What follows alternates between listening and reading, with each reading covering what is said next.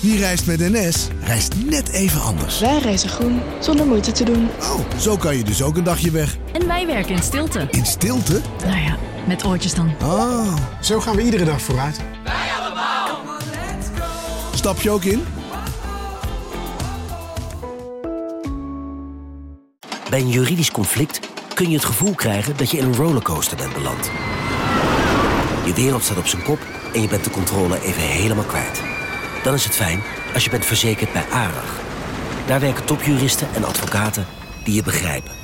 Die een stap extra voor je zetten. En je het gevoel van controle teruggeven. Met kennis en informatie, met heldere uitleg en met gericht advies. ARAG, juridisch probleemoplossers. Vanaf de redactie van NRC het verhaal van vandaag. Mijn naam is Thomas Ruip.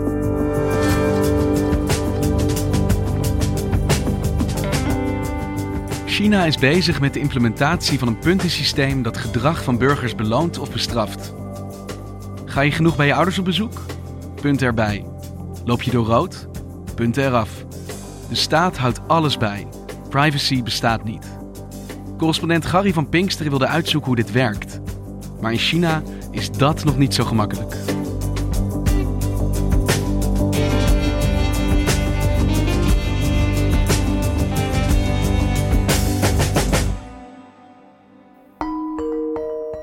There is some disturbing news from China. China has rolled out a social credit system to spy on the behavior of its massive population. Wie zijn je vrienden? Betaal je rekeningen op tijd? Ben je vriendelijk tegen de cashier? China wil in 2020 een puntensysteem invoeren waarbij alle Chinezen een score krijgen. a personal score based on how they behave. In 2014 is op nationaal niveau in China gezegd dat gaan we invoeren, zo'n puntensysteem. En toen is er ook veel aandacht voor gekomen, want wij gingen ons afvragen van wat is dat nou voor systeem en wat kun je daarmee, wat kun je daar niet mee. Gary van Pinksteren is China-correspondent voor NRC en woont en werkt in Beijing. Ik weet wel dat het meteen heel veel indruk op me maakte, want dat ik dacht, god, dat, is een, eh, eh, dat, dat kan een heel ingrijpend iets worden, waardoor mensen in China toch hun vrijheid een beetje verliezen. Wat hoorde je dan erover dat dat zou gaan worden?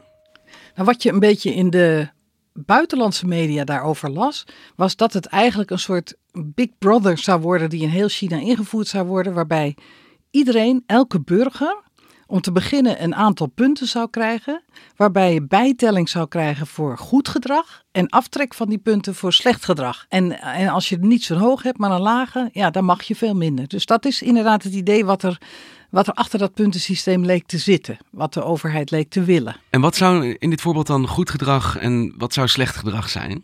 Ja, daar waren dus steeds dezelfde voorbeelden van die steeds werden herhaald. En er werd altijd gezegd, nou een voorbeeld van zo'n goed gedrag is dat je dan bijvoorbeeld in de supermarkt eh, luiers koopt en geen bier. Want als je luiers koopt, dan heb je waarschijnlijk een gezin en dan zorg je voor een gezin, dan voed je een kind op.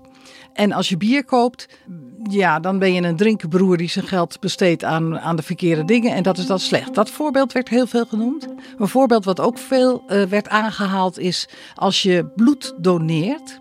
Dat je daarvoor extra punten zou krijgen. Dus, dus als je bloed geeft als, als goede daad. En er werd veel gezegd van als je je ouders zou, eh, veel zou bezoeken. Dan kreeg je er ook punten voor. Dat was ook positief. En als je dat weinig deed, dan zou je daar ook punten aftrek voor krijgen. Dus als je niet goed voor je ouders zou zorgen. En dat je daardoor eh, door die puntenaftrek later ook belemmerd zou worden in je vrijheden. Want dat is iets wat, er dus, eh, wat we ook al vrij vroeg eh, te horen kregen. Is dat als je te weinig punten zou hebben, dat je dan niet meer zou mogen vliegen. En dat je dan niet meer met hoge snelheidstreinen zou mogen. eh, en dat je dan bijvoorbeeld ook je kinderen niet naar eh, privéscholen zou mogen sturen. En jij hoorde dit, dat dit er misschien zou komen. En hoe ben je dat gaan onderzoeken? Nou, ik dacht, laat ik eens eh, naar Hangzhou gaan. Dat is een stad in Oost-China, in de buurt van Shanghai.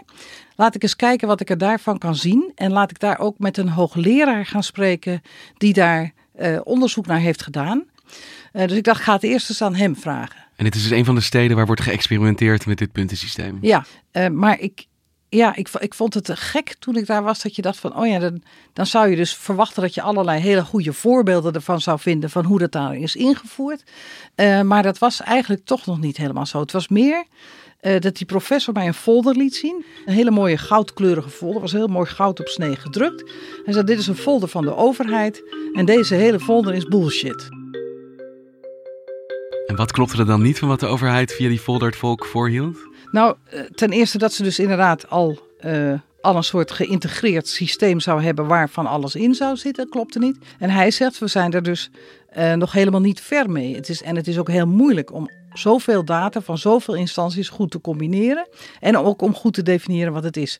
Maar het grappige was met die professor, dat hij dat dus tegen mij zei. En toen dacht ik, nou ja, dat, daar heb ik wat aan. Hè? En maar toen ik hem officieel daarover wilde spreken en officieel daarover wilde interviewen, toen pakte hij diezelfde mooie folder weer. En toen sloeg hij het open naar het lijstje weer van dingen die Hangzhou gedaan had. Toen zei hij: Kijk, moet je kijken, dit is heel goed. Hangzhou heeft dit gedaan en dat gedaan en dat gedaan. Dus toen hield hij een verhaal wat 100% omgekeerd was dan dat het, het verhaal wat hij eerst tijdens de lunch had gedaan. Die waren nog steeds gewoon met z'n tweeën. Maar zodra je zei, nu ben je on the record, zei hij, wees hij op de folder en zei hij, dit is eh, wat we allemaal gaan doen. Ja. En off the record zei hij, er klopt niks van deze folder. Ja. Dus dat, dat was ook wel het lastige met dit verhaal sowieso. Hè? Dat je niet zo goed wist. Ten eerste was het moeilijk om informatie te krijgen, maar het, je wist ook niet zo goed wat waar was en niet waar.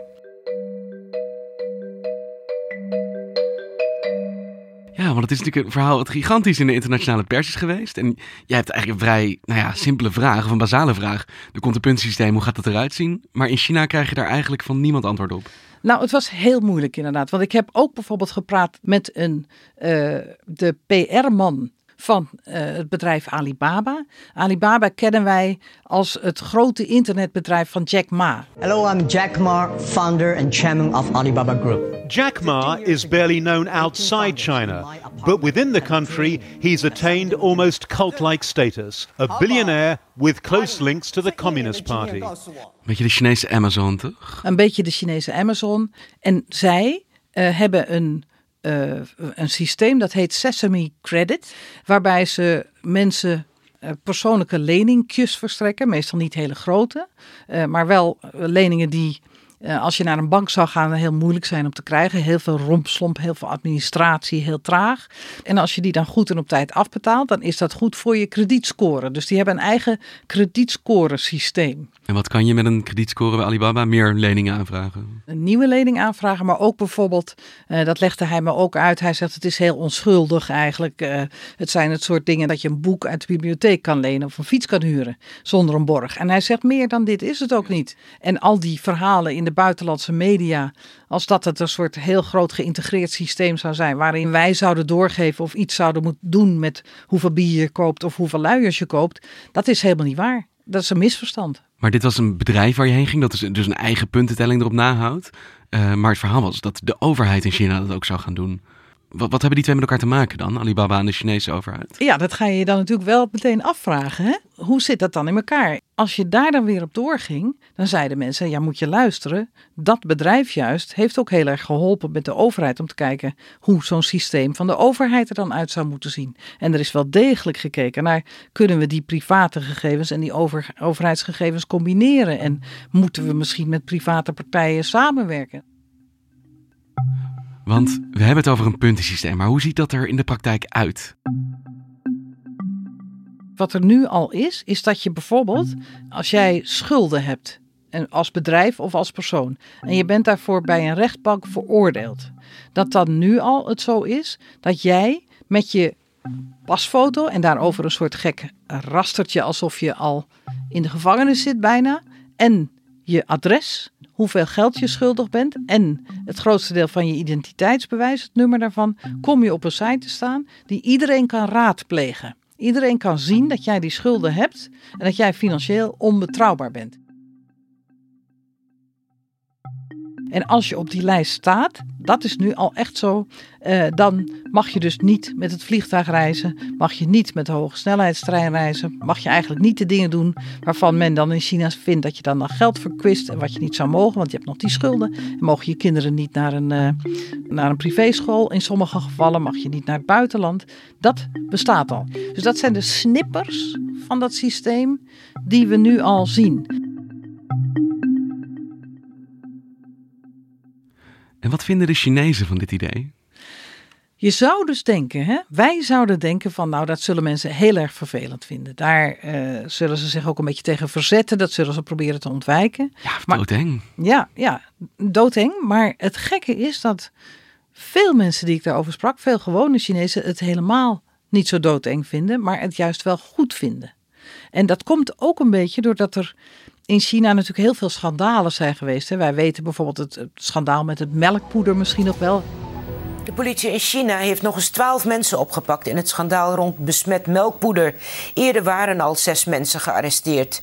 De vervuiling van het melkpoeder heeft dan zeker drie baby's het leven gekost. Dat is een van de echt bekende verhalen over problemen met voedselveiligheid. Maar er zijn, er zijn in China op allerlei gebieden uh, veel problemen, schandalen geweest met inderdaad allerlei vormen van oplichterij. Dat kon eigenlijk vrij straffeloos uh, gebeuren. En heel veel mensen zeggen dus van nou, als je dit nou zou hebben, dan sluit je dat uit. En dan, dan krijg je een veel, ja, dan gaan mensen zich veel uh, beter gedragen. En dan wordt dan kun je elkaar in de maatschappij beter vertrouwen dan dat het uh, vroeger was. En dat vinden wij iets goeds. En slechte mensen komen er dan ook heel duidelijk uit als slechte mensen. Maar de Chinezen die hij spreekt, die zeggen uh, dat, uh, ja, dat in de gaten gehouden worden, geregistreerd worden, dat weegt eigenlijk wel op tegen de, de veiligheid die we ervoor terugkrijgen. Ja, ja. De aantasting van de privacy, zeg maar, weegt dat niet zo zwaar als dat je orde, stabiliteit uh, in de maatschappij hebt en dat je chaos voorkomt. En dat is ook iets wat de overheid heel erg op hamert. We moeten een stabiele, ordelijke maatschappij hebben, anders krijg je chaos. Anders krijg je ook toestanden zoals we in Europa hebben met terroristische aanslagen en migrantenstromen en zo daar. Of in Amerika, waar iedereen uh, gewapend mag zijn. Dat soort dingen hebben wij gelukkig in China niet. Wij hebben een veel veiliger land. We moeten wel zorgen dat het veilig blijft. En als daarvoor die technologie ingezet kan worden, ik ben voor. Maar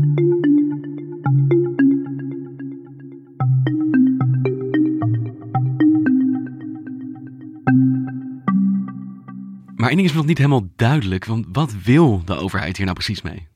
Ja, dat was mij ook niet helemaal duidelijk. Ik dacht, waar gaat het ze nou precies om? Wat gaan ze doen? En toen heb ik via een contact van mij, ben ik een keer gaan eten met overheidsvertegenwoordigers in Hangzhou je zegt we gingen eten. Moet ik dat dan zien als een interview of is dit een soort informeel etentje? Nee, nee, nee. Interview, interview, interview. Dat, vooral niet, hè. Want een officieel interview, dat is... Uh, uh, dat breekt, uh, zoals dat in China heet, onze ijzeren rijstkom. Onze vaste baan. Hè, kunnen wij daardoor verliezen als wij met een buitenlandse journalist over dit soort dingen praten.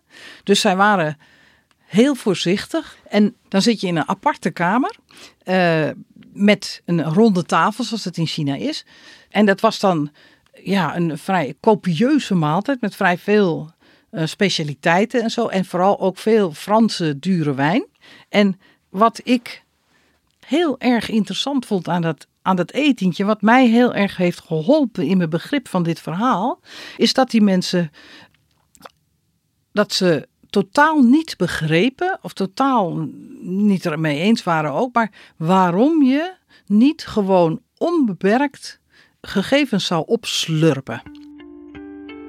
En, en die zeiden ook, want dat vond ik ook heel interessant, die zeiden ook, ja natuurlijk, de gegevens die zo'n uh, Alibaba met zijn Sesame Credit verzamelt, als wij die willen hebben, hebben we die natuurlijk morgen op tafel. En die gebruiken we ook al. En die, weet je, daar hebben we toegang toe. Wij hebben toegang tot, tot als overheid tot alle gegevens uit al die systemen als we dat willen. En we gebruiken dat ook allemaal. En dat is goed, want dat maakt dat we efficiënt uh, die controle kunnen handhaven op die sociale stabiliteit.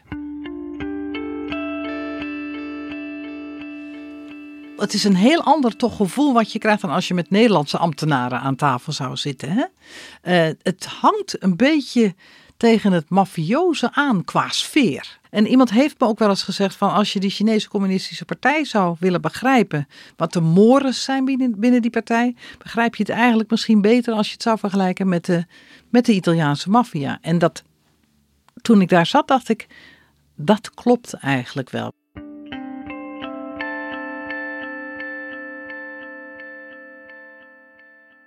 Het enge hiervan vind ik, denk ik, dat in Nederland heb je natuurlijk ook regels. En slecht gedrag wordt ook bestraft.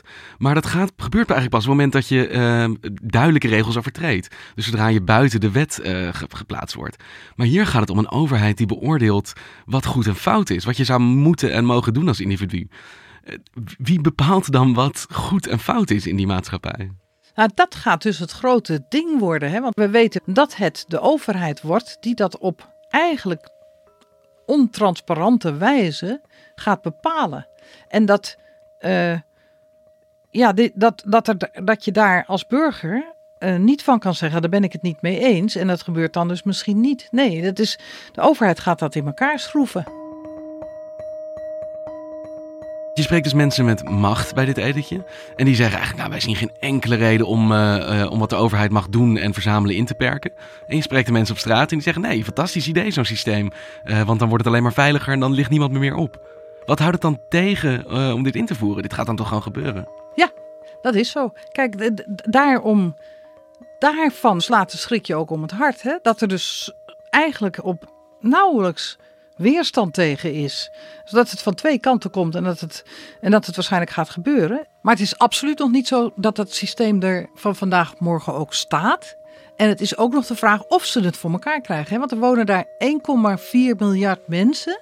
Moet je denken, en, en al de data die ze daarover kunnen verzamelen en, en al verzameld hebben, om daar een geïntegreerd systeem van te maken wat echt werkt, zodat je een werkelijke, beetje Big Brother-achtige situatie hebt moeten we nog ook zien of ze dat helemaal voor elkaar krijgen.